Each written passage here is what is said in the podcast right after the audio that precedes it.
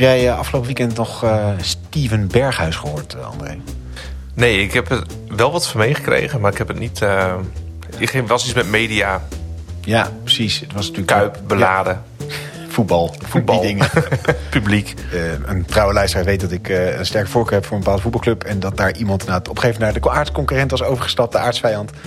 Um, en uh, dat werd in de aanloop naar de klassieker van afgelopen zondag nogal opgeklopt. Dat het de eerste keer was dat Steven Berghuis weer terugkwam in de Kuip. Ja. En wat voor vijandig onthaal die wel niet zou hebben. En er was door Jinek een tweet gedaan van... Goh, uh, het wordt een strijd op leven en dood. En het AD had een voorpagina met heel groot het hoofd van Berghuis erop schreeuwend in een Ajax-shirt. En Van de Gijp scheen wat dingen te hebben gezegd... waarvan ik niet helemaal weet wat het was. Maar daar haalde Berghuis in het interview na afloop aan van de wedstrijd... Toen ze vroeg van, joh, hoe, hoe, hoe, zag je week eruit? En toen zei hij, ja, ik was wel een beetje de, de man van de week, zeg maar. Tegen mijn zin in. Want de media hebben hier ook wel echt een kwalijke rol in gespeeld. Die hebben dit vuurtje wel echt enorm lopen oppoken. Oké. Okay.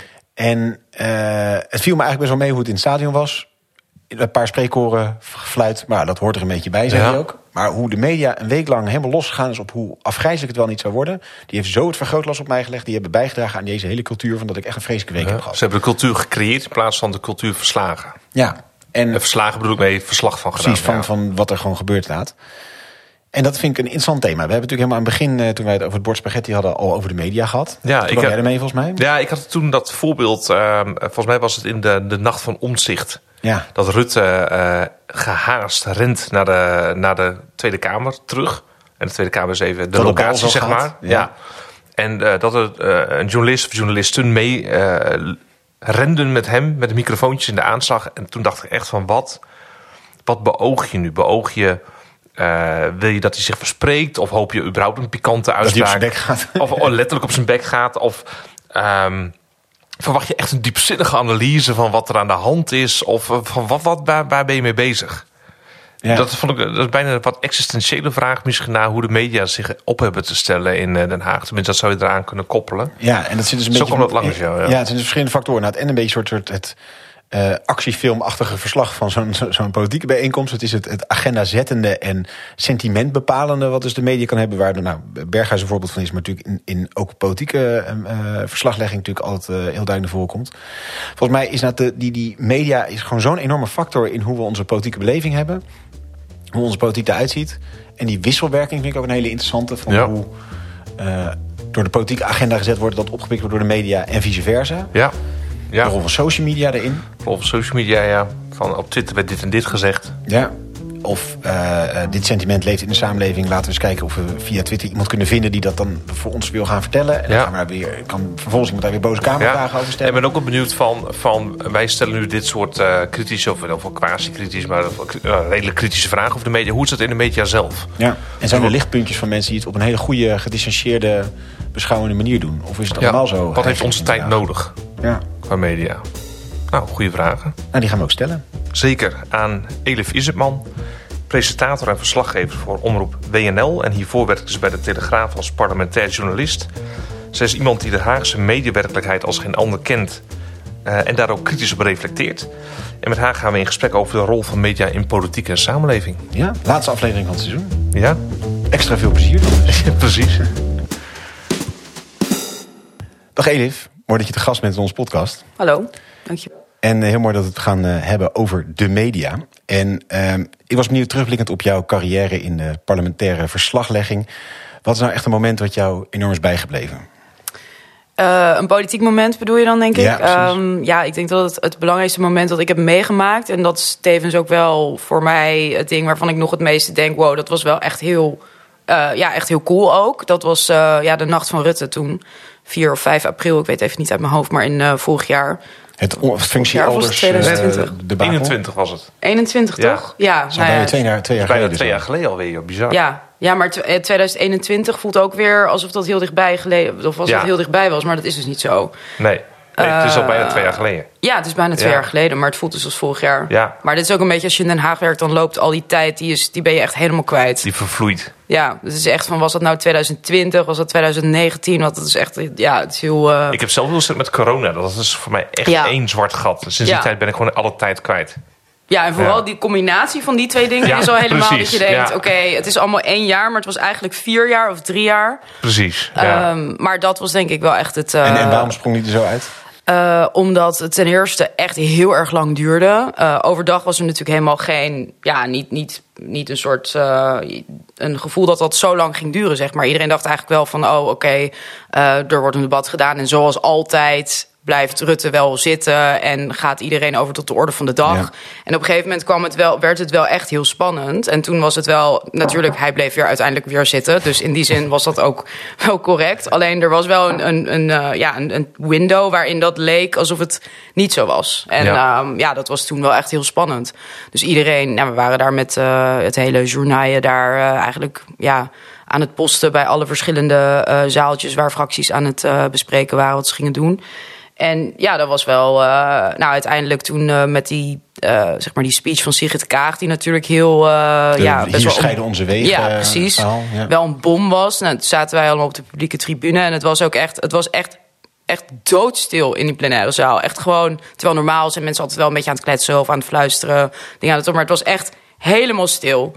Ja, dat was wel. ehm, ja, dat was wel het, het meest interessante moment, denk ik. En is het nou, ehm eh, we hadden het in ons voorgesprekje over voetbal. Daar doe je natuurlijk verslag van een wedstrijd waar je evident 22 spelers op het veld hebt die met elkaar iets uitvoeren en daar kijk je naar. Ja. In hoeverre zit je hier ook echt als complete buitenstaander naar zo'n debat te kijken? Of ja, zit je er ook toch half in? Hè, het hele ontstaan van dat functie elders was een foto van een Ja. eh, verslaggever, verslaggever die die foto maakte. eh, en, en ja, daarmee werd het hele debat Nou aangekijkt. ja, en Rutte had gezegd in de media dat hij niet over omzicht had gesproken. Ja. Dat dan wel zo Ja. was. Ja? Ja. Dus eh, Ja. hoe voelt dat dan? Zeg maar? Voel je je ook een beetje onderdeel van het debat? Of is het wel, ik zit hier als toeschouwer en moet hier straks iets goeds van maken, een verhaal over Ehm, maken? Of... Nee, je voelt je op een gegeven moment als je in Den Haag werkt wel een beetje onderdeel, nou niet van het debat, want als er echt een debat is, eh, zeg maar als het gaat over een debat in de Kamer, in de plenaire zaal, dan ben je daar geen onderdeel van in principe.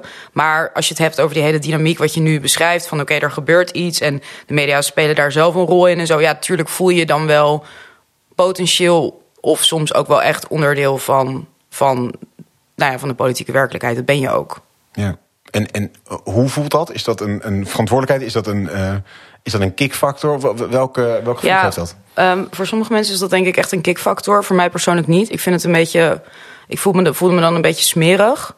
Ehm, en sommige mensen vinden dat heel lekker. Die gaan er heel lekker op. Dus ik denk Wat, dat wat dat. maakt het smerig voor jou? Voel ja, dat je gebruikt wordt of dat jij andere mensen gebruikt? Ja, nee, nee, vooral dat je wel gebruikt wordt. En dat ook dat dat een beetje part of the job is. En dat je je daar ook een beetje overheen moet zetten. En dat je ook vooral niet te veel illusies moet maken over ja, controlerende macht en dat soort dingen. Want ja, uiteindelijk, je staat daar 80% van de tijd toch een beetje te wachten tot iemand iets aan jou komt vertellen. En eh, die persoon zelf, die gaat erover of die dat wel of niet aan jou vertelt. Ja. Eh, dus in die zin, ja, dat voelt wel een beetje ja, misschien is smerig niet het goede woord, maar een beetje knullig of zo. Ja, ja, ja. Ja. Eh, Als buitenstaander heb ik dat bekruip met het gevoel wel eens van een politicus wordt opgeleid om niks te zeggen tegen de media. De Ja. media staat hem derhalve of desondanks toch op te wachten Ja. om hem iets te ontfutselen wat Ja. vaak niet zeggend is. Precies. Ja. Ja. En toch moet je daar staan voor het geval Ja. dat er wel iets interessants wordt gezegd. Of voor het geval dat, wat je net noemt, die fotofunctie elders. Ja. Dat, maar dat is natuurlijk een samenkomst van zoveel hele rare dingen. Dat je denkt, ja, de kans dat dit gebeurt is misschien één op, weet ik veel, 700 in Ja. 10 jaar of zo. Weet je wel, dat je denkt, wanneer gebeurt zoiets nou? Ja. Maar toch, het feit dat het gebeurt maakt nog eens extra dat je denkt, ja, volgende keer moet je daar toch weer gaan staan. Ja, ja, ja. Met z'n allen. ja. Want je bent ook concurrent van elkaar. Dus je kan ook niet als enige medium denken... nou, ik ga daar niet staan, want de rest staat daar al. Nee, NOS staat daar en AD staat daar... en jij bent bijvoorbeeld van de Telegraaf, dan ga je daar ook staan. Ja, Ah, dus dan gaat, dat gaat al verder dan een puur controlerende functie ook. Want je zou kunnen zeggen, nou, de NOS koffert dat wel. Dus als er echt iets geks gezegd Ja. wordt, dan hoort het wel via de NOS. Ja. Dus je bent daar ook een beetje al werkelijkheid, politieke werkelijkheid aan het creëren met elkaar. Door iets belangrijk te maken, Ja, want je gaat Zeker. er staan. Ja, ja. En, en daarmee ben je dus inderdaad ook al snel, kan me voorstellen, wel onderdeel van, van wat er gebeurt en wat er gecreëerd wordt.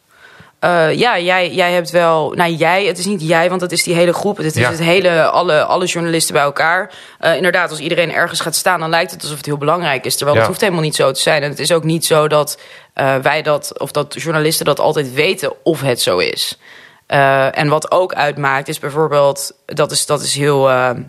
ja, beetje cynisch, zeg maar. Maar als er vakantie is of weekend, dan staan er per definitie minder mensen dan wanneer het een dinsdag of een, of een Hm. donderdag buiten reces is, zeg maar. Ah ja. Ja, dat is gewoon zo. Er zijn gewoon minder mensen.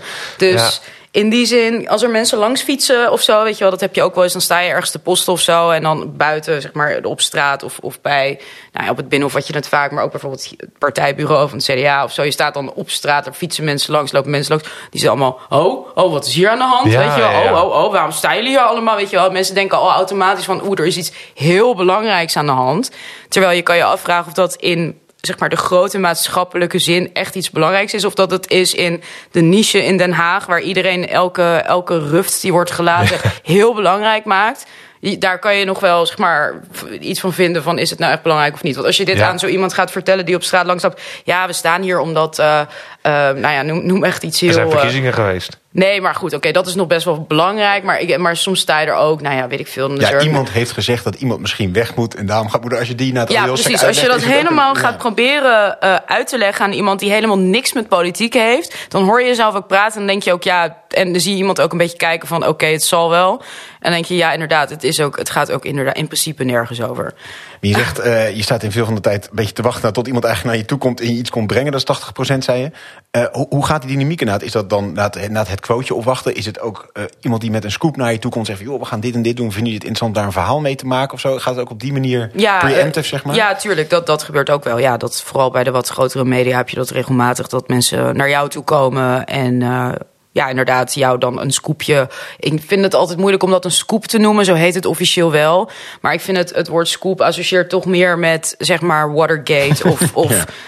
ja, eh, weet je, de, het hele schandaal met de katholieke kerk of zo. Dat Ja. soort dingen vind ik scoops. Dit is meer iemand geeft jou iets, een- eigenlijk een embargo. Ja. Eh, en ja, Eerste publicatie we geven het aan jou, Ja. want uh, we hebben een goede band met jou of met je krant. Of vorige keer is het naar die en die gegaan, dus nu gaat het naar jou. Ja, dat vind ik niet per se je eigen verdienste of zo. Nee, de scoop komt eigenlijk voor het onderzoeksjournalistiek. Zeg Ja, dat vind ik eigenlijk wel. Oh, ja. Ja. dus ik vind dat dat woord is wel, eh, daar zit wel infla- is inflatie op geweest in de afgelopen tijd. Want je hebt zelden scoops, echte scoops, dus in mijn definitie, die vanuit de parlementaire pers komen. Ja, ja, dan eh, was die foto van Omzicht misschien een uh, Ja, dat is dan dat maar, is echt een scoop. Ja, en, en zonder daar eh, zeg maar onrecht te doen aan mijn collega's, maar dat was natuurlijk ook wel een beetje een toevalligheid. Ja. Ja. Dat Het is is niet dat werken, daar dat zeg maar toevallig. jarenlang eh, onderzoeksjournalistiek door dossiers aan het spitten aan vooraf is gegaan. Maar wat gebeurt er in die relatie? Je zegt, hè, we, we, we hebben een goede band met je, dus we geven dit. Of nou, nou, dit keer is het een beetje verdeel en heers, nu is het aan de beurt aan die. Wat doet dat in je relatie tot die uh, politieke werkelijkheid waar je na het controleren ten opzichte van optreedt? Want het is natuurlijk een hele gekke afhankelijkheidsrelatie die je daarmee hebt. Als je heel naar, heel lang, heel naar tegen iemand doet, kan ik me voorstellen dat hij dan niet met die Ja. tussen aanhalingstekens scoop bij je Mhm. uitkomen volgende keer. Ja, dat gebeurt dus ook wel. Dat Ja. gaat ook wel echt zo. Uh, ja, en dat is uh, soms ook niet hoor. Want soms denken ze gewoon, nou ja, we hebben jou nodig. Dus dan, dan is het opportunistisch. Heel veel is natuurlijk ook gewoon opportunistisch. Maar het is ook wel eens zo dat ze denken van... nou, jij hebt zo'n naar stuk over onze minister geschreven... of over dit en dat, dat het niet naar jou gaat. Hm. Ja, en dan gaat het naar jouw concurrent, namelijk naar het AD of zo. Ja.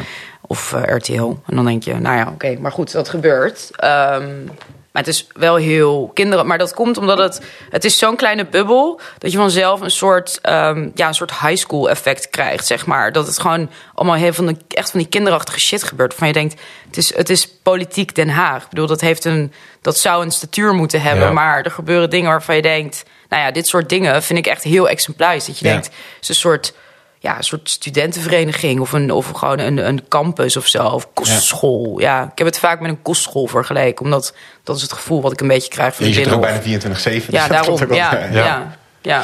En eh, heb je een idee hoe dit nou...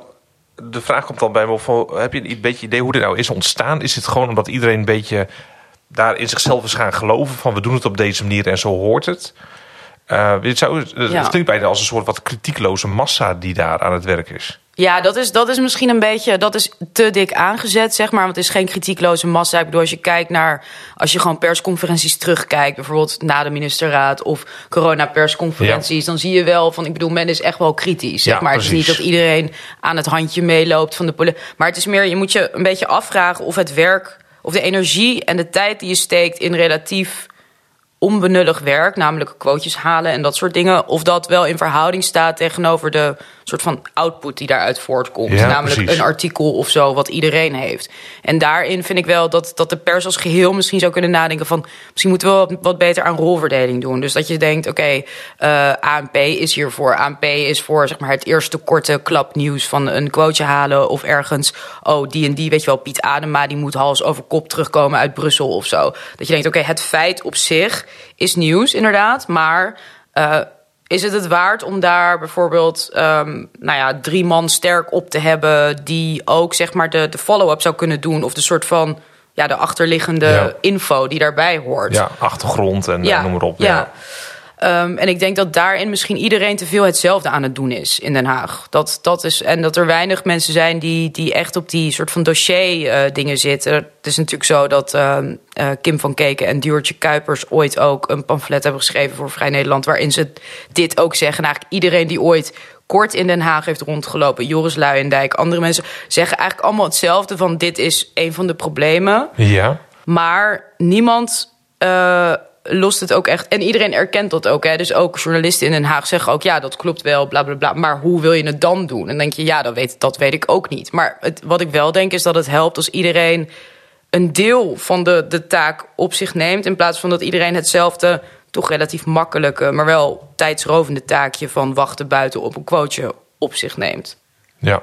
ja. En je zegt van, eh, het gaat ook erg over die concurrenten. Want ik kan me best vanuit voorstellen, een beetje in de high school dynamiek ook zeggen van ja, als iedereen naar dat gaat, moet, moet ik er ook zijn. Ja, ja. Eh, in welke zin is die concurrentierol daar ook een, een factor in? En ik kan me voorstellen, zeker sinds de opkomst denk ik, van de online krantenvariant, is natuurlijk die, die output van kliks veel, denk ik, veel directer. Ik bedoel, Mhm. het aantal mensen wat een ander krantenabonnement gaat nemen, omdat gisteren niet een stukje stond over dit en dit, dat lijkt me vrij nihil. Nee, mensen hebben dat echt niet door. Maar met het jij... klikken van, van ding misschien wel. Dat je zegt van ja, dan kunnen we uiteindelijk dan weer advertentie-inkomsten van die website of iets. Ja. Wordt daar ook op gestuurd inderdaad van...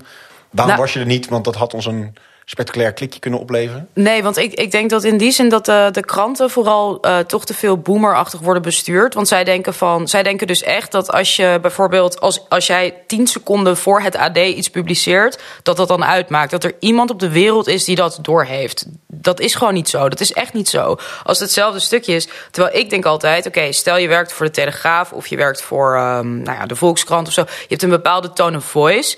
Eh, zorg er dan voor dat je, eh, want daar onderscheid je je mee. Niet met het, het kleine nieuwsfeitje, zeg maar. Eh, Besteed daar dan wat meer. Daar genereer je meer kliks mee dan hetzelfde feitje hebben op een droge manier als alle andere media. Dus dat je meer vanuit je eigen achterban denkt van oké, zij willen dit of dit feitje vinden zij niet boeiend. Dat kan ook nog. Hè? Ik bedoel, je hebt bepaalde onderwerpen die voor eh Volkskrantlezers of voor Telegraaflezers gewoon niet zo interessant zijn. Ja. Ja. Dus daarin kan je best wel wat meer soort van focus aanbrengen. Van oké, hier gaan wij heel erg, zeg maar, diepgaand op. En dat laten we gewoon helemaal links liggen, bijvoorbeeld. En als je kijkt dan volgens, eh, denk natuurlijk zo'n ander ding waar echt zo'n concurrentiestrijd is, is de, de talkshow oorlog waar we het ook nog over hadden. Mooi dat je altijd aan alles kun je altijd oorlogstermen bedenken. Ook talkshow oorlog, supermarktenoorlog. Ehm over Strijd om de kijker. Ja, inmiddels is Ja. het daar niet lang niet meer gevallen. Fijn dat ik hem weer even kan noemen. Maar Ja. ehm, eh, zie je daar diezelfde dynamiek? Want daar gaat het natuurlijk ook erg over die eh, eh, eh, gasten binnenhalen. Weet je, heb jij die of heb jij die? Daar kan ik denken dat het SAP-effect wel groter is natuurlijk. Van Ja. ik kijk vanavond naar de een of naar de ander. Ehm, gaat dat ook ten koste van de inhoud? Is dat ook te heigericht ermee en te weinig die diepgang? Of zeg van ja, nou, ik denk Ja, dat bij andere media minder erg is.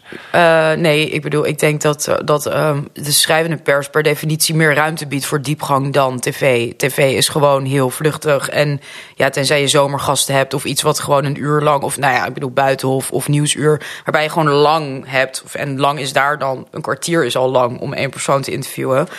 Ehm, terwijl als je voor een krantenartikel iemand interviewt, duurt het soms anderhalf, twee uur, zeg maar. En daar Ja. haal je dan het interessantste uit. Dus kan je nagaan. Ja. Ehm, maar eh, ik moet even te denken, wat was nou de vraag? Of Nou, de- van de- de- gaat er daar dus ook snel naar die inhoud wordt ondergeschikt aan het Ja. spectaculaire, zeg maar. Aan het ja, maar ik denk dat dat een beetje. dat is toch wel een beetje inherent aan het medium, zeg maar. Het is tv, je moet het wel behapbaar eh, maken voor een redelijk groot publiek en, en begrijpelijk maken.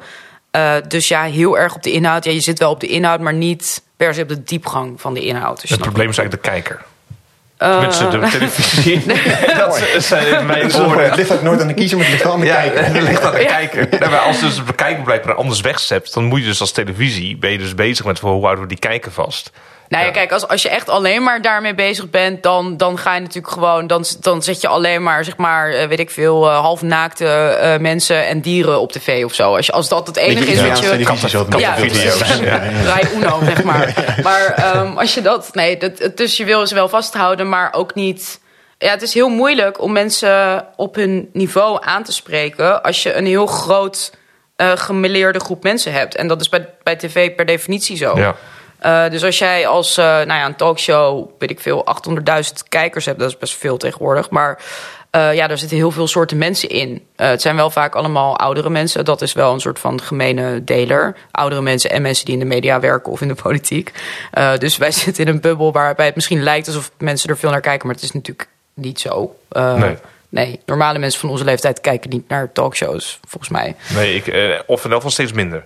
Dat denk ik ook, ja. Ja, ja. Of niet lineair zie je een stuk, dat zou kunnen. Ja, Ja, YouTube stukje zie je dan, geknipt eh, of zo. Ja, precies. precies. Ja, Ja. ja. maar het is zelden zo, denk ik, dat je een hele uitzending van iets kijkt. Ook omdat de onderwerpen zo verschillend zijn. Ik bedoel, er kan iets zijn over eh, André Hazes... en dan in hetzelfde programma zit er iets over de pensioenwet Ja. of zo. Het is nooit zo dat, vaak niet zo dat mensen die twee dingen allebei even interessant vinden. Ik moet wel zeggen, dat is een klein zijspoortje. Maar in de tijd van de Wereld Door vond ik dat makkelijker. Dus bij de Wereld Door kon ik vaak een hele uitzending uitzitten. Omdat Ja. ik dacht van, nou, de sfeer in die uitzending... Die Dat is me Champions League niveau, hè? Dat is Champions League.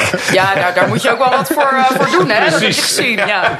dat niveau zit je niet zo. Maar hij hield me vast als kijker. Ja. Ja. Nou ja, Pauw en Witteman. Je hebt, je Ja. hebt dingen van vroeger die inderdaad wel wat meer. Maar ik denk dat het verschil daarin zit dat nu heel veel talkshows be- behandelen dingen als een soort blokjes. Dus zeg maar, alle sprekers zijn apart van elkaar. Ja. Het is niet een soort tafel. Ik denk dat de wereld draait door en, en die oudere programma's veel meer een soort borreltafel-idee. Ja. Waarin iedereen ook meepraat en iedereen ook meedoet.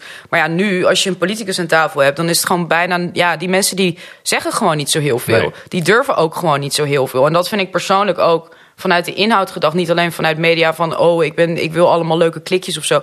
Maar meer van, het is zo platgeslagen en zo, ja, je bent kapot gemediatraind en je hebt één punt wat je wil overbrengen en dat zeg je dan de hele tijd met andere woorden. Maar het is gewoon niet interessant. Nee. Nee. En niemand gaat ook denken, nou, hier ga ik op stemmen of zo, vanwege deze inbreng. Nee. Je denkt alleen maar, wat een, wat een robot. Gewoon, wat een... Ja, dat. Ja. En ik denk Ja. dat een beetje dat het, misschien een soort eh, met midden ontbreekt een beetje. Want het is net of dat, zo van die hele strak getrainde zinnen en gewoon telkens tot dezelfde eh, kernzin Ja. terugkomen.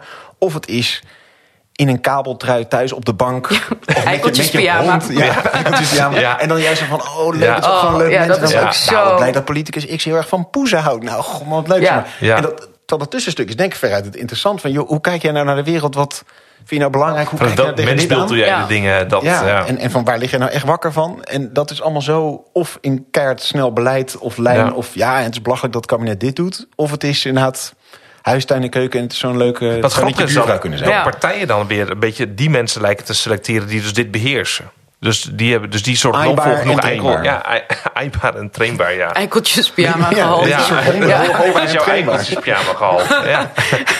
Ja, maar, maar het is dan ook weer, het is wel heel oppervlakkig. Want het is nooit zo van, nou, ik hou van die en die. Wat, wat je vroeger voor mijn gevoel veel meer had. Maar dat is misschien ook een, dat is een beeld misschien wat je hebt bij lang geleden. Dat je denkt, oh ja, toen waren mensen wel intelligent of zo. Ja. Maar dat het toen ging over, ja, welke boeken lees je? Welke, welke filosofen vind je interessant of zo? In plaats van, ja, welke eikeltjes of welke pyjama draag je? Ja. Of hoe heten je katten of zo? Ja. Ik bedoel, dat is ook wel leuk hoor. Maar het is ook niet heel, ja, ik bedoel, het, het slaat natuurlijk nergens op. Het is Ja, maar misschien totaal was dat wel, wat je zei vroeger wel anders. Als je, je schijnt over Hans Miller nog wel eens te horen dat dat echt een lezer was. Ja. En iemand die, maar dat kaliber lijkt zich ook niet meer eh, Nee. politiek beschikbaar te stellen. Dat Nee. kaliber, denk, ja, Robert Dijkgraaf vind ik een enorme uitzondering. Dat die heeft gezegd van... eh, Maar die laat, mij- ook, maar die laat ook niet heel veel van zichzelf zien. Nee. Maar dat is iemand van een bepaald wetenschappelijk eh, niveau... Die, die zich dus beschikbaar stelt voor de politiek. Maar dat zie je niet veel meer, toch? Het zijn allemaal een beetje Ja. doorgegroeide communicatiewensen... assistenten van politiek, Ja. of politieke assistenten van ministers... Ja, vooral de mensen in de Tweede Kamer natuurlijk. Je hebt nu in het kabinet heb je wel een paar mensen zitten waarvan je, je ziet gewoon, je merkt gewoon aan die mensen, daar zit echt wel wat meer in dan wat je ziet. En dat is inderdaad misschien Dijkgraaf. Nou ja, bij Sigrid Kaag heb ik dat zelf, heb ik dat ook gewoon nog wel. Van dat je denkt, Ja, die, die heeft wel veel meer inhoud dan wat er nu. eh, Dat, dat is iemand die zit op de verkeerde plek. Ja. Dat je denkt, ja, dat past Je kunt er een avond mee vullen. Dat is een beetje. Ja, dat denk ik wel. Als je zo'n ja. gesprek voert, dan kan dat volgens mij prima. Alleen niemand voert dat gesprek meer. Nee. En ik weet niet of dat ligt aan eh, de, de, zeg maar de, de mediatraining of aan misschien de, de, gewoon de burgers zelf. Dat mensen dat al dat soort. Je hoort natuurlijk vaak van ja, mensen lezen geen boeken meer. En dan mensen zijn eigenlijk gewoon heel dom. En weet ik veel, mensen willen alleen maar naar dingen over André Hazes en over katten kijken en zo. Ja, als dat echt zo is, ja, dan kunnen we hier, kunnen we hier ook, hoeven we hier ook niet Nee. echt iets aan te doen, denk Nee, ik. Dan is Nee. dit, ja, dan krijg je Dan de politiek die je verdient, Ja. toch? Dat is dan wat denk ze je dat zeggen. het zo is? Nee, dat, dat vind ik heel moeilijk te. Nee, volgens mij niet. Want veel mensen willen juist wat oprechtere politiek. Eh, maar wel inderdaad echt oprechte politiek. En niet alleen maar dat marketinggelul. Dat je dan zeg maar die Instagram-filmpjes van politici en zo. Dat is echt gewoon natuurlijk verschrikkelijk over Ja. het algemeen. Er is, het is nooit, ik kan me ook niet voorstellen dat die mensen dat zelf wel goed vinden. Dat je denkt, Nee, dat, je, dat ze tevreden zijn van nou, dit staat er nou echt lekker op. ja, Dat kan me niet precies. Het van, nou, dit, komt nou, dit komt nou echt lekker, lekker goed over of Ja. zo. Weet je wel? Dat je denkt, ik bedoel, bij de VVD heb je dan elke keer weer dat, dat keihard aanpakken gelul met die vuurwerk, met vuurwerk, met, met alles. Elke keer als er iets gebeurt, nou, dit kan echt niet en blijf van onze mensen af. En dan, maar dat je denkt, oké, en nu? En nu, Nou ja. ja, en bij andere partijen, je kan er van bij elke, elke partij heeft dingen waarvan je denkt, mijn god, het is zo cringe gewoon. Ja. Dat je denkt, Maar is dat ook Ja. niet een, een ding van de media dat. Stel dat je. Dat er, soms heb je van die onderwerpen. denk Oh, elke politicus moet even zijn plasje doen. Dan zeggen ze: dit moet stoppen. Racisme, Ja. dit moet stoppen. ja, en iedereen moet daar dan in mee. Want één, iedereen één begint mee. daar dan mee en dan moet Ja. iedereen een statement doen. Maar ja, zou het ook niet zo zijn dat anders de media zeggen van... hé, hey, eh verrassend dat... eh, afwezige was, opvallende ja. afwezige op Twitter was... eh, hey, die heeft geen filmpje opgenomen. Ja, Hoe kan dat? precies. En die heeft niet is gezegd, Zijn ze misschien wel voor racisme? ja, ze zijn precies. voor racisme. Maar ze hebben Ja. niet gezegd dat het moet stoppen. Ja, maar dat, dat inderdaad, die dynamiek zie je heel erg. En dat is natuurlijk ook heel. Ja, maar dat, dat komt inderdaad wel door de media. Want het is altijd als er iets groots gebeurt. Nou ja, weet ik veel. eh, Er is een terroristische aanslag of zo. eh, ja, dan moet altijd als eerste gaat de minister van Buitenlandse Zaken zeggen dat hij het verschrikkelijk vindt. Daarna gaat de premier zeggen dat hij het verschrikkelijk vindt. Nou, daarna komt misschien nog justitie en nog wat andere. En dan gaan media een reactiestukje tikken van politiek Den Haag is diep geschokt door, weet Ja. ik veel, die en die aanslag. En dan gaan ze al die tweets citeren die allemaal een soort van zelfde woorden bevatten. Dat je denkt, ja, maar dit is geen nieuws. Zeg maar, Nee. dit, dit is eigenlijk gewoon geen nieuws. Nee. Van dat mensen een aanslag verschrikkelijk vinden, is niet echt Dat nieuws. is niet nieuws. Dat, dat is dus voor Twitter. Vandaar zet je dat soort dingen op. Ja. Omdat het niet een kantartikel hoeft te worden. Nee, maar het vindt wel, zeg maar, mensen, mensen doen er wel wat mee. Want het wordt altijd vaak wel een online artikel als dat op Twitter staat. Ja, nee, precies, Ja, ja. Dus, dus Ja. het is, wordt ook wel beloond ergens. Ja. Ja. dus dat is natuurlijk, ja, misschien zou je dat niet moeten doen, denk ik dan. Hoe heb je die impact van social media überhaupt ervaren? Is dat iets wat eh, heel permanent ook hier allemaal doorheen fietst? Sta je zelf ook inderdaad wachtend voor een gebouwtje te, te tweeten erover dat je er staat te wachten, et cetera? Is dat een... Ja, ik heb dat wel Ook best wel veel gedaan. Ja, ik, maar ik, ik deed dat. Ik, ik gebruik Twitter eh, nu al een beetje niet zo heel eh, erg intensief meer. Vroeger wel. Maar ik vond het wel altijd leuk om daar een beetje cynisch over te doen en zo. Want daar- dus ik gebruikte het meer op die manier. Meer echt als een soort van entertainment. Ja, zo van, nou, we staan hier en dit en dat. En ik bedoel, je staat daar toch met een groep. En dat zijn inderdaad concurrenten. Maar het is altijd best wel gezellig. Dus je staat daar een beetje. Nou, dan ga je elkaar zitten liken. Want je zit daar allemaal met elkaar een soort van. Nou ja, dat, dat door te maken. Dus, maar ja, dat is meer voor mezelf. Dat heb ik niet echt gedaan om te denken van... nou ja, hier ga ik heel veel likes mee halen... of hier ga ik allemaal volgers mee binnenhalen Nee, en andersom van de, de respons die je terugkrijgt, of de, de, de stem van het land, wat zich dan via Twitter tot jou richt? Ja, dat is niet altijd even leuk natuurlijk. Eh, maar goed, dat is ook wel erger geworden in de afgelopen paar jaar. Ja? Ik bedoel, in het begin was Ook echt in korte tijd eh, gewoon erg. Ja, volgens mij wel. In een, in een jaar of anderhalf jaar tijdens corona vooral heel erg. Ja, ja toen had ik het ook heel vaak met eh, die corona-persconferenties. Dat, daar kwamen ook al die, eh, nou ja, die, die geschriften... eh, nou ja, gewoon echt Wappies. Ja, wappies vind ik altijd een beetje zo'n term. Dat ik denk, ja, want ik, ik, ik, was destijds zelf ook best wel kritisch op het coronabeleid. En ook op, zeg maar, vooral op die QR-code en al die dingen. Dus ik vind het woord wappies vind ik dan te meer soort van... Maar wel echt mensen die gewoon je gaan uitschelden en zo. Ja, maar en dat gewoon... vind ik dan wappies. Dus je hebt Ja, mensen volgens mij die, die Ja. Mhm. kritisch zijn. En mensen die vervolgens zeggen dat WEF dit heeft bedacht. Dat Ja, vind ik dan een wappie. Ja, oké. zeg maar. Ja, ja, ja, ja. Maar, maar dat is nog wel interessant. wij zijn nu zelf wat kritisch in deze podcast op de media. Daar ontkomen we blijkbaar niet aan. Maar de media staat in die zin ook wel echt onder druk. Ook onterecht, zeg maar. Door, door deze dynamiek rondom corona. En, en wat Ja. je zelf zegt dat je als journalist eh, daar meer last van hebt. De Ja. NOS met eh, hoe het, eh, logo's van de busjes. Andere busjes hadden ze toen Ja. een, een tijdje dat ze verslag eh, deden van coronademonstraties volgens mij. Kunnen we ons nog Ja. veroorloven om kri- kritisch te zijn op de media? Of zeg je van nou, dit is meer een Ja, tijd... juist eh, wel. Ja, oh. nee, maar dat vind ik altijd een beetje. Dat vind ik, want dat gebruiken journalisten dan vaak als om, om ja, ook toch om mensen een beetje de mond te snoeren. Van ja, je moet ons laten, want we staan al zo. Nee, maar jullie staan ook onder druk Omdat er wel een deel van kritiek die op media is, gewoon terecht is. En daar moet je het wel gewoon over kunnen hebben. En dat geldt denk ik ook voor politiek, want daar heb je hetzelfde mechanisme. Ja, uh, ik ben een vrouw, dus je moet mij uh, met rust laten, want seksisme en kijk waar ik allemaal voor word uitgemaakt en dit en dat. Ja, dat is ook een vorm van mensen de mond snoeren die ook terechte kritiek op jou hebben. Dus ik vind, tuurlijk, je moet benoemen van oké, dit is allemaal niet oké. En als mensen worden aangevallen, of als mensen, uh, nou ja, met die busjes en zo, tuurlijk, daar moet je het wel over hebben. Maar je moet ondertussen ook, media zijn wel over het algemeen echt heel slecht in, uh, in de spiegel kijken, hm. vind ik, hier over dit soort dingen. Uh, ja, ik vind dat dat wel gewoon moet. En dan zullen mensen, denk ik, hoop ik, ook minder de noodzaak voelen om jou te bedreigen en op die manier zeg maar, hun, hun ei kwijt te raken. Maar nog even terug naar die, nou, dat je rondom zo'n corona-persconferentie dan negatieve bericht krijgt. Wat roepen mensen dan en wat is de reden dat ze dat dan naar jou toe roepen? Wat doe jij dan dat ze denken, uh, dat nou, moet ik Elif laten weten dat, dat, dat, ik vind dat ze dood moet? Nou, het, is niet per se, het is niet per se op jou. Ja, kijk, jij bent dan gewoon, je bent een journalist. Dus of je mij bent of, of jou of zo, dat maakt niet uit. Maar het is van, ja, bijvoorbeeld je tweet iets wat, uh, wat dan... Je tweet iets uit de persconferentie. Dus gewoon sec en feitelijk. Nou, Hugo de ja. Jonge zegt nu, we gaan de scholen dicht doen dan en dan. En dan is het van, ja, je bent een slaaf van de regering en dit en dat. En, ja. en ik, ik snap wel waar dat vandaan komt. Want jij tweet iets wat hij zegt. Dus je bent een soort doorgeefluik. Dat klopt ja. ook wel. Media is ook in, in zekere zin een doorgeefluik. Maar rondom dat thema was het echt wel echt heel extreem. Dat je denkt, nou Jezus, gewoon echt de hele tijd. En nou ja, ook, ook als je wel, want dat je denkt, ja, je bent wel kritisch. Nou, het maakt, het maakt allemaal niet uit, zeg maar. Met corona, corona was gewoon een hele nare periode in dat opzicht. En dan is het idee ook wel van media en politiek spelen onder één hoedje. Dus ja. of ik me nou tot jou richt, of tot een minister, of tot een Kamerlid. Ja, dat, dat was ook Den vaak dat, dat jij, ja. zeg maar, maar dat, dat heeft dan ook weer, vind ik, bijvoorbeeld met um, uh, talkshows, als je zeg maar politiek duiders hebt of zo. Uh, het is heel moeilijk of heel makkelijk als je beduider bent om in een rol te vervallen waarin jij inderdaad Den Haag gaat vertegenwoordigen. Omdat mensen stellen, jou, stellen soms best wel domme vragen. Zo van ja, maar waarom is dan dit en dat niet zo? Weet je wel? En dan moet jij zeggen ja, maar dat komt omdat ze hebben gedacht dit en dat. Ja. En dan hoor je jezelf, want ik heb het zelf ook eens meegemaakt, dan hoor je jezelf praten en denk je, oh, ik klink nu alsof ik zelf zeg maar de woordvoerder ben van het kabinet. Omdat je, je snapt hoe dat gesprek gevoerd wordt ja, in de politiek. Precies. Ja, je probeert dat dan in, op een normale manier uit te leggen. En als dat dan niet uh, overkomt, dan zeg je ja, maar dit en dat. En dan denk je, oeh, ik snap wel waarom mensen denken dat jij inderdaad de vertegenwoordiger bent van de politiek. Omdat jij ook uh, journalisten vaak zou worden ingezet ja. in talkshows. Zo van, ja, een duider. Jij moet nu vertellen hoe, hoe dit tot stand is gekomen of hoe dit werkt achter de schermen, weet je wel? Ja, um, ja en dat, dat is natuurlijk wel. Dus ik snap, die, die, ik snap wel hoe dit ook misschien per ongeluk zo tot stand kan komen.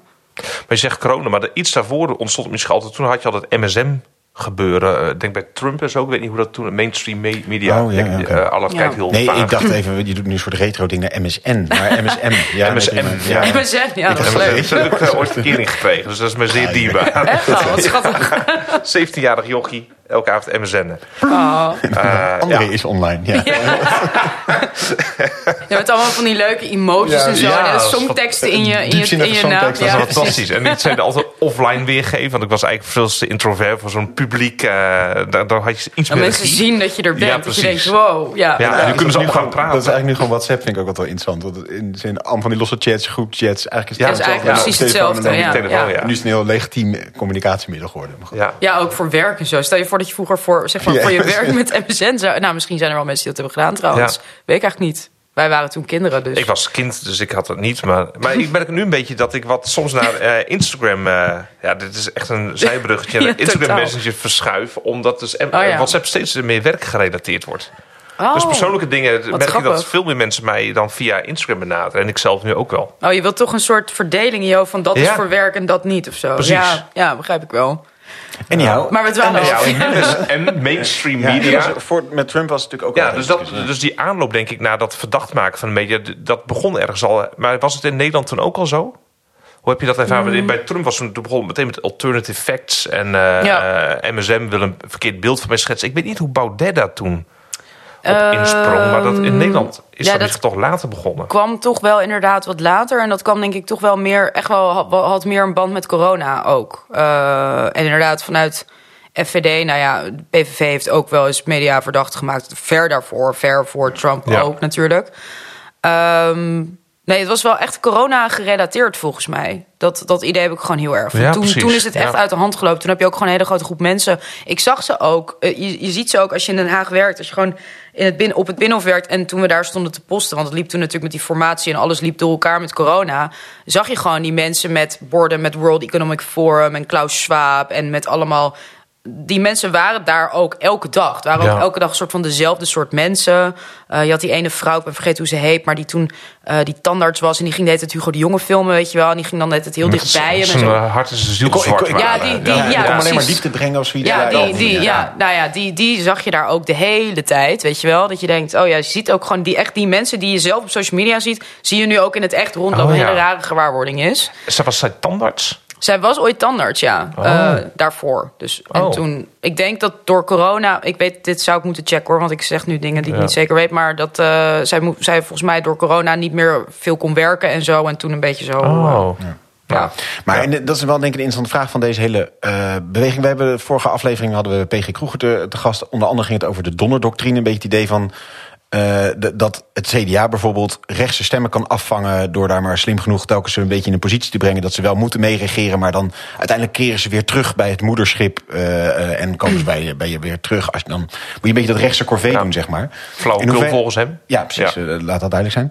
Ehm, maar hoe zit dat met media? Moet je ergens ook een beetje soms die onderbuik dus meenemen? Van goh, ook een beetje die, die, die bozige klanken laten zien... in de hoop dat ze je ze een beetje zo binnenboord kan houden? Want dat is natuurlijk wel met het gekke van Twitter. Dus enerzijds krijg je bedreigingen er via binnen... en anderzijds is natuurlijk nou de stem van Nederland op Twitter... een van de nieuwsbronnen, of een nieuwsfeit in ieder geval. Van, mensen waren heel verontwaardigd allemaal op Twitter. Nou ja, nee, dat vind ik dat, nee, dat, dat zie ik niet zo. Want Twi- Twitter is uiteindelijk een heel klein deel van Nederland. Dus dat, dat, en dat weet iedereen ook, volgens mij, in ieder geval hoop ik dat iedereen dat wel Ja. weet.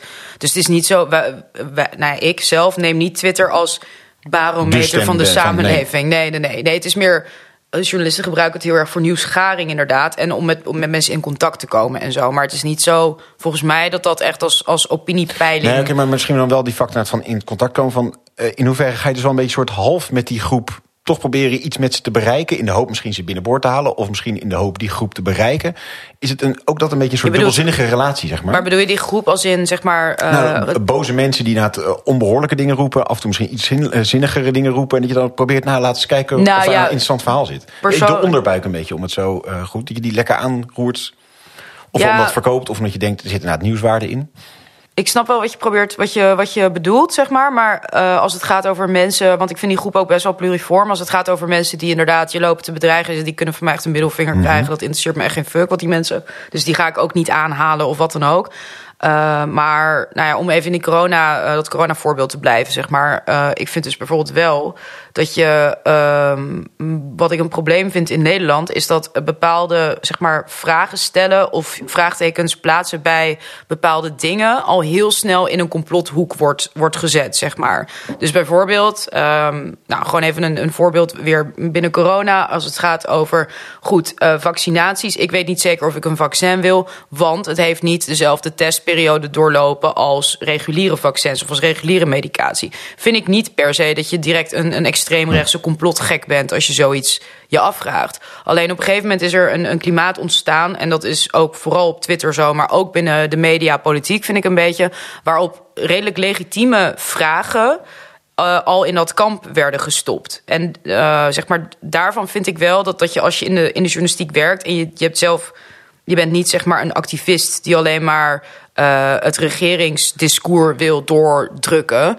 Dat je daar wel naar moet luisteren en moet beoordelen van ja, maar misschien is dit gewoon inderdaad wel een vraag die het antwoord hoeft niet ja te zijn. Het hoeft niet te zijn nee, neem het vaccin niet, bla bla. Maar ga het wel onderzoeken of ga wel daar een soort van op een, op een rationele manier. Ook om die mensen niet het gevoel te geven van ja, eh, ik word als, als gek weggezet en het is allemaal een complot daar. Want ik snap wel dat dat Ja. beeld wordt wel bevestigd op het moment dat alles wat, wat, wat zeg maar naar kritiek eh, hangt, wordt weggezet als extreem rechts of zo, Ja. of wappie. Ja. Ja, en, en precies. En ik denk dat het helemaal klopt dan met ook altijd die tegenstemmen een plaats blijven geven. Eh, en ik denk heel belangrijk in het heel journalistiek spectrum en in het politiek spectrum. Het lastige lijkt me wel met bijvoorbeeld talkshowtafels zijn natuurlijk ook wel twee stemmen tegenover Ja. elkaar. Die, die valse schijnen. Dat Nou, ook met het hele klimaatdebat is het altijd steeds daar. En met- ook vooral hele met de boeren kritische ook, wetenschappers ja. en met de boeren. Had altijd Caroline van der Plas bij op één. Ja, Dus als de- de expert, dat het gewoon een politicus is. Alsof zij net de personificatie van alle boeren in Nederland is. Ja, dus dat is wel een lastige. En, en eh, laatst was je wel even heel duidelijk met die Andrew Tate. Ik, Oh, ja. ik heb dat een beetje gemist wie Andrew Tate is. Maar, eh, Ja, maar met die influencer, Ja, dat is en toen zo'n, kwam die ehm, eh, meest nog wat... eh, ja, die TikTok-jongen. Ja. ja. En dat, toen, toen dacht ik wel, van, dit is wel echt een voorbeeld van wie probeer je nu te bereiken met deze niche-discussie. Die vooral in een kleine groep op social media, daar, die wordt heel erg beïnvloed door zo'n Tate, denk ik. En door dat zo aan een talkshowtafel te trekken en dat te gaan bespreken, ja. dat vond ik een rare move van Ja. zo'n programma's op één.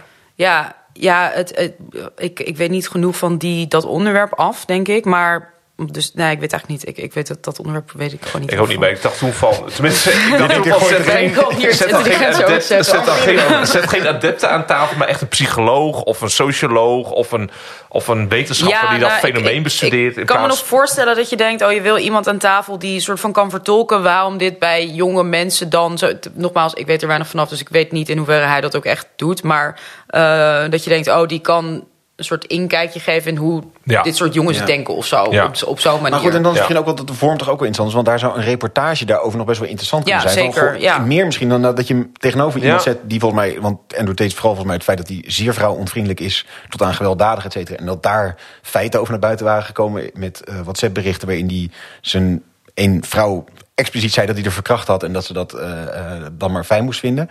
Eh, dus daar is best wel goede kritiek op uit. Ja, en daar was daar nou je iemand die wat dat ging eh, verdedigen. En dat dat misschien een onderwerp is waar je gewoon geen debat over moet hebben. Maar die je wel natuurlijk die jong kan interviewen in Ja. een soort repo van... Goh, Ja, wat goeie. trek je in Ja, vrede ja. wel aan Ja, ja. Dus dan is ook de vorm is misschien wel een, een Ja. kwestie. Want hier maak je toch alsof het een soort 50-50 debat is. Van, nou, Ja, goed punt. wat vind jij ervan, wat vind ik ervan? Ja. En op het eind gaan we weer naar huis. Ehm, als we kijken naar hoe het wel zou moeten, of hoe het anders zou moeten. eh, je zegt, nou, de hoop mensen die korte tijd in Den Haag hebben verkeerd... hebben allemaal een beetje hetzelfde idee van hoe het anders zou moeten. Eh, eh, zie je toch wel iets van mogelijkheden om tot een andere vorm van journalistiek te komen? Of zie je die op sommige plekken ook waar je zegt, nou, als dat wat meer gaat groeien... dan, dan gaat het misschien de betere kant op? Ehm, nou ja, ik denk, dat, ehm, ik denk wel dat het kan. Alleen dan, dan heb je wel een soort herstructurering nodig van het medialandschap eh, in, in Den Haag vooral. Eh, waarbij er gewoon heel duidelijk wordt afgebakend van oké, die media. Maar goed, dit is een heel utopisch model. Dit gaat, gaat niemand ooit doen. Maar ook vanwege geld en dat soort dingen. Maar eh, oké, die en die media zijn er voor de snelle nieuwtjes. En die en die media zijn er voor eh, nou ja, diepgang of op, de, op bepaalde dossiers. En dat dat wat meer in plaats van concurrentie, wat meer samenwerking en verbinding wordt. Dat vind ik heel mooi van mezelf. Dat is toch een beetje Ja, wat de precies. Rozen. Toch even die christendemocratie in Ja, mij eh, hè? daarboven. Ja, maar boven roepen. Ja. ja, barmhartigheid, verbinding en zo, Solidariteit. naast de liefde. Ja. Ehm, nee, maar, maar meer ja, dat het toch eh, ook, ook niet alleen vanwege verbinding en dat soort dingen, maar ook dat je denkt, nou goed, daar kan je misschien wel inspringen op iets waar heel veel behoefte aan is binnen, binnen de maatschappij, kan ik me voorstellen. Ja. Ehm, maar goed, dan zou je toch wel nieuwe media moeten hebben of andere, andere titels of zo. Ehm, ja, toch een beetje voorbij de waan van de dag, zoals de correspondent, maar niet, dan niet de correspondent, nou, afschuwelijk medium, maar Is dat zo? Nou ja, heb jij ooit een artikel uitgelezen van de, van de correspondent? Nee, ik, en, ik struikel over de cliffhangers. eh, Dat, die trek ik heel slecht. Dus Ja. als dan een alinea eindigt met, met dit gaat je verbazen... vind ik een heel hoog libelle gehalte ja, het is, het is een verschrikkelijk schrijfstijl. Alles, ja, ook, nou goed, ik, eh, dit is ook weer even een zijspoor. maar, eh, maar misschien wel in politieke zin dat je gewoon wat, wat minder inderdaad eh, ja, meedoet aan die, die soort van dat, dat heigerige ja, social media ding. Wat ook weer stimuleert dat politici Instagram filmpjes gaan maken. En dat moet natuurlijk niemand willen, toch? Gewoon een, gewoon een verbod op eh, social media voor politieke partijen. Oh, dat zou, dat is ook wel interessant. Ja, Ja, dat, dat, dat zou mijn hoop levensvreugde... maar ja, goed, dat, is, dat Nou, vind ik dan weer zo. Boswijk een eh, keer voorstelde, eh, om maar eens de CDA uit te quoten... van eh, we zouden eens een keer... alle een- camera's uit te zetten, Ja. toch? Om dan voorkom je in ieder geval gewoon een maand als experiment. Want dat is natuurlijk echt wel de grap dat ooit de schrijvende pers de enige bron van samen met de handelingen, zeg maar, de enige vorm van kennis was die je kon hebben Ja. van politi- politiek Maar mogen debat. ze, mogen ze dan nog wel dingen op social media zetten of mag dat dan ook niet? Ja, Want dat, er zou dan ook niet mogen, hè? Nee, nee, nee, Nee, precies, dat, maar die dat doen voorop. eh, Dirk Dus- Media, hè? Dus eh, maar, maar volgens mij was dat het. Gaat Daar dit begon, live in de kamer? Ja, dat is ook niet goed. daar begon het mee van. Dan voorkomen ook dat die één minuut filmpjes worden gedeeld. ja, oh, dat Ja. is zo vreselijk. Ja, Contextloze, dat is, het slaat het ook allemaal zo. Stemuitslagen overigens een beetje hetzelfde altijd. Met Ja. die eh, stemkaartjes. Van Ja. Die heeft voorgestemd, die tegen. Ja. Maar want dat is ergens natuurlijk wel... Ik denk sowieso de media die niet dagdagelijks volgt... kun je natuurlijk afvragen... is dat dan op een gegeven moment nog parlementaire verslaglegging... in ieder geval in de hele definitie van parlementaire verslaggevers zit misschien een beetje dat voor de deur waken gehalte. Ja, dat is heel oldschool journalistiek is dat. Ja, ja. maar eh, ik denk, want ik vind de Groene heeft altijd zo'n wekelijkse rubriek over eh, eh, politiek. Dat helpt al een beetje dat je op een week terugblikt. En natuurlijk, ik van Follow the Money is denk ik ook wel echt een aanjager van politieke vraagstukken. Omdat die inderdaad echt dat langdurigere onderzoek doen en met interessante inzichten komen. Die iets voorbij het verslag leggen van het spel gaan. Dus dat is misschien niet wel Ja. het hele ding van het veel Ja, over het spel en te weinig over de knikkers gaat. Eh, dat ja, het nou ja, veel- dat, is, dat is ook weer zo'n Ja. kritiekpunt wat, vaak, wat wordt, vaak wordt geuit op Den Haag terecht. Van oké, het gaat te veel over het spel en de poppetjes en niet genoeg. Of, of ja, het gaat te veel over de knikkers, niet het spel. Of, ik weet niet hoe je het precies net zo. Ja, maar het spel, de- ja, dat ja. te veel over de Over de poppetjes. knikkeraars, en te weinig over de knikkers. Ja, precies. De poppetjes, maar niet. eh, maar dat heeft er natuurlijk voor een groot deel mee te maken dat veel mensen de inhoud ook gewoon niet zo heel interessant vinden. Ja. Laten we daar ook gewoon eerlijk over zijn, want dat is gewoon wel zo. En natuurlijk, als media moet je ook je, je broek bovenop kunnen houden. En je moet gewoon geld verdienen. Dus dat is heel sec ook gewoon wat het is, zeg maar. Eh, maar goed, misschien dat je dan bij de publieke omroep... dan ja, gezien je daar toch eh, daar wat minder rekening mee hoeft te houden... eh, ja, dat je daar wat meer op de inhoud gaat zitten... en wat meer op dossiers en eh, nou ja, op inderdaad onthullende journalistiek. Ik denk dat je gewoon een onderscheid moet maken tussen... eh, inderdaad nieuwsjournalistiek, van oké, het quoteje... en de, de, de besluitvorming is dit, oké, punt... En gewoon onthullingen. En ja, toch meer onderzoeksjournalistiek ook, denk ik, ook in Den Haag. Ja. Of vooral in Den Haag, denk ik. Ja, Ik moest zelf even denken aan de Washington Post. Bezos heeft toch de Post gekocht? Eh, Eh, heel lang geleden al. Volgens mij is hij eigenaar van de Washington Post. En dat, dat, ik vind dat aan de ene kant eng dat zo'n man eh, zo'n krant in handen heeft. Aan de andere kant kun je ook zeggen, als je daar natuurlijk daarna afziet van invloed, dan kan het heel positief zijn, doordat zo'n krant Ja. gezekerd is van inkomsten en van, van kapitaal. En daardoor, jij zit het op te zoeken. Heb je het Ja, gevonden? het klopt. Oké, ja. Ik zeg niet zomaar dingen. Maar ik begon hier nu ook te twijfelen dat jullie me allebei vragen eigenlijk. Maar dat is zo. Ja. En, maar dat, is, dat heeft ook een gevaarlijke component dat die mensen ook daar monopolie op krijgen. Maar aan de andere kant zou je kunnen zeggen, als dat in goede structuren gegoten wordt, kan dat de toekomst voor schrijvende pers zijn. Doordat ze wel kapitaal achter zich hebben. Dan wordt het een soort eh, eh, charity bijna. Van ik koop zo'n krant zodat het, eh, Ja. wat ik wil dat deze vorm van nieuws blijft bestaan. ja. Ja, en ergens is Volgens mij in wel- Nederland zie je dat nog niet. Maar, Nee, en er is natuurlijk wel een verdienmodel van zowel de correspondent als Follow the Money. Is natuurlijk wel aardig dat het eh lidmaatschapsgefinancierd is. Dat Ja. maakt het ook al anders natuurlijk. Dat je dus veel minder Ja. op de klik zit. En dat- dat is het gevaar met zo'n Bezos, is dat hij er alsnog aan wil verdienen. En dus Ja. dat alsnog clickbaits worden. Ja, tenzij hij gewoon echt zich inderdaad inhoudelijk er niet mee bemoeit. En het Ja. gewoon echt is van nou, dit doe ik ook weer om, om een soort van deugpuntjes te scoren Precies, of ja, zo. ja. Of, uh, nou Betaal mijn werknemers dan wel slecht, maar ze, ze kunnen dan wel een abonnement op een krant nemen. Ja. Ja, precies. Dan krijgen ze gratis in een kerstpakket. Maar, eh, ja, nee, maar ja, dan is het... eh, ja, natuurlijk. Nee, ja, dat is ook, maar dat is natuurlijk ook gewoon marktwerking... dat zo iemand dat gewoon kan kopen. Ja, Ja. ik bedoel... Ja. Hey, en jouw vertrek bij de eh, Telegraaf en eh, vertrek naar richting eh, WNL. Wat, wat heeft dat gemaakt? Waarom wilde je weg uit die Haagse kaastop? Omdat dat woord heb ik niet eens genoemd nog deze aflevering. Maar Ja, dat is ook zo'n vreselijk cliché, Ja, precies, maar wat was jouw Ehm, reden om daarin eh, te vertrekken? Eh, ja, in, in dit geval was het gewoon omdat ik gewoon een, een heel leuk aanbod kreeg. Dus dat was, ja, dat, dat had niet heel veel, eh, zeg maar, ideologische Nee, grondslag of zo. Maar overigens ook niet negatief naar, eh, naar het werk in Den Haag toe, zeg Nee. maar. Alleen, ik dacht wel, toen ik eruit was, dacht ik wel van... oké, dit is eigenlijk wel heel prettig om niet hier elke dag in te zitten. Want het is wel, eh, ja, ik vind het wel... Nou, wat ik al zei aan het begin, van je voelt je toch een beetje... ehm, ja, een, een, ja, een, eh, ja, een doorgeefluik vaak, toch wel. En, en je hebt niet de tijd om eh, ja, dat type verslaggeving te doen wat je zou willen doen. Of wat, wat beeld wat je erbij hebt als je, als je zegt... de journalistiek is de vierde macht of zo. Weet je, dat je denkt, ja, het is, het is toch niet... het houdt in die zin gewoon echt niet zo over. Ehm, en dat is niet verder de schuld van één bepaald iets of iemand. Maar het is gewoon, ja, het is wel, dat, dat is wel een beetje jammer eraan. Wordt deze reflectie voor jou gedeeld? Is dit, bestaat dit kritisch vermogen eh, onder journalisten en bij de media? Ja, bij veel mensen wel, denk ik. Ja, niet bij iedereen. Want sommige mensen gaan, zoals ik zei, gaan er gewoon heel lekker op Ja. om daar überhaupt te staan. En daarvan denk je ook van, jezus man, get over yourself. Want ik Ja. bedoel, je bent, niet, je bent niet heel belangrijk of zo. Je moet ook niet... Er lopen wel een aantal ego's daar rond waarvan ik Ja. denk van, nou, oké. Ik bedoel, het is niet zo dat er zeg maar, het licht in de bovenkamer is niet heel helder of zo. Dus ja.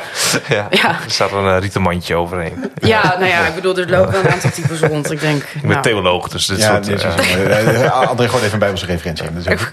En ehm, als er wel iemand zou... Wie, wie vind jij dan nog het meest vierde machtig die nu eh, eh, bezig is in Den Haag? Wie zeg je van, nou, eh, Oh, volg maar diegene wie is je voorbeeld? Ja. Nee, Eh, ja, in of, of, nou, hoeft niet eens een voorbeeld, dan betekent Bob dat je zelf wil. Maar Ja. dat je zegt van, goh, weet je, die persoon lees ik het graagst of hoor ik het graagst. Want ik vind die toch altijd wel scherp in zijn, zijn of haar observaties. Oeh, eh, moet ik even nadenken hoor. Ehm, ja, dat zijn er verschillende. Nee, maar dit is, deze, deze had je even van tevoren moeten vragen. Want dan had ik me Dit altijd knippen we gewoon even uit het uh, wijs. Of een medium, Even van een nadenken. individu. WNL. Nou, laat ik even kon, denken ondertussen na. Maar het lijkt me aardig ergens wil je natuurlijk ook gewoon dingen die goed zijn, wil je op een bepaalde manier steunen. Dus het is ook aardig als we een soort eh, rally rond Nou, de kijk, flag doen van kijk. laten we rondom zo'n goede journalist. eh, Ja, nee, maar ik bedoel, er, er lopen ook goede journalisten rond hoor. Dat is gewoon zo. maar even met die, met die distantie, zeg maar. Of met die meta, die, die net een stap voorbij die waan van de dag kan komen. Die niet het beste is in dat wachten voor het deurtje, maar het beste is in iets doorzien wat anderen niet zien. Of, Ja, het probleem is dat de meeste mensen daar dat allemaal doen. Zeg Ja. maar. Alleen wat ik altijd zelf heel graag lees, eh, of lees of naar kijk, zijn inderdaad mensen die er wel heel lang rondlopen, maar die wel inderdaad een beetje kunnen analyseren van nou, dit gebeurt, eh, dit gebeurt hier of dit gebeurt. Dus ik vind Wouter de Winter daar altijd gewoon wel echt heel vermakelijk en sterk in. Eh, ja, en ik vind dat de verslaggevers van NRC, ja, ik vind sowieso de, de stukken van NRC over Politiek Den Haag ook altijd wel echt heel prettig om te lezen. Gewoon puur in ja, wat iets, toch wel iets meer diepgang dan alleen het second nieuws, zeg Ja. maar. Ehm, ja, dus ik denk dat dat zijn de dingen die ik naast zeg maar de nieuwtjes die je toch wel op een of andere manier via ofwel via radio, tv, whatever binnenkrijgt. Om de dingen die echt lezen, die ik echt wil lezen, zijn meestal dit soort dingen. En alle soort van opinie, columns, dingen die over politiek gaan. Dus dat kunnen ook van mensen zijn die nooit over politiek schrijven, maar dan, die lees ik allemaal ook altijd. Want ik wil, ik vind het toch wel leuk om te weten hoe mensen erover denken, zeg maar. ja. Ja, Top, gaan we ons op die lichtpunten eh, richten toch, André? Geen, eh, ik snap je de, de worsteling wel. En het interessante wat je zegt van... er is wel een kritisch bewustzijn. Iedereen zegt ook, ja, eigenlijk zou het wel een beetje anders moeten, maar... Ja, nee, maar het is er zeker. Alleen niemand is ook. Er is ook niet iemand die erover gaat. Nee. Er is niet één persoon die kan zeggen: Oké, nou dan gaan we het. Het is niet één bedrijf Nee. of zo. Van nou, nu gaan we het radicaal anders Nee. doen. Ik zie hetzelfde in de politiek met die nieuwe bestuurscultuur. Dat is natuurlijk ook gewoon... het- Ja. Ik snap het hele idee, maar je ziet het nog niet. En ook omdat iedereen toch weer zijn dingetje blijft doen. Ja, en je toch allemaal in een eh, eh, ja, netwerk zit waarin dan iemand moet ermee beginnen. En dat moet dan heel goed gaan. En dan gaat de rest het ook doen. Ja. Ja. Dat, zo werkt het gewoon een beetje. Ja. Ja, en dat netwerk is Ja. inderdaad groter dan alleen maar die journalistiek zelf. Dat is ook inderdaad in de dynamiek met de politiek. En lezers en, en Ja. burgers. Ja. Ja. ja. het is een heel groot. Het is echt gewoon de hele samenleving eigenlijk. Ja. Eh, als je lezers, eh, als je burgers erbij haalt, ja, dan. eh, En zeker de hoogopgeleide burgers, daar mag je net iets meer van verwachten, vind ik. eh, ook op dit gebied, ook op kritisch volgen en op het steunen van goede journalistiek. Ja, en het betalen ook En gewoon. betalen ervoor, Mensen ja. moeten gewoon voor betalen. Ja. Ja. dat is gewoon wel echt zo. Ja, Ja. eens. Dat is sowieso een goede oproep. Ja, ik ga niet, eh, we hoeven niet nog een keer het woord borstspaghetti te zeggen. Maar dit, eh, dit is wel, dit bij is wel nog een een. keer gezegd. Hey, dankjewel. hè. Dankjewel. Jullie ook bedankt. We gaan luisteren naar professor Dr. George Haring. De parlementaire journalistiek is te weinig onafhankelijk en daarom ongezond. Met onafhankelijkheid bedoel ik niet dat ze herhaalt en versterkt wat politici zeggen of willen, per se. Er zijn helaas te veel landen waar de journalistiek wordt gedwongen deze dienende rol te spelen. Maar daar behoort Nederland niet toe.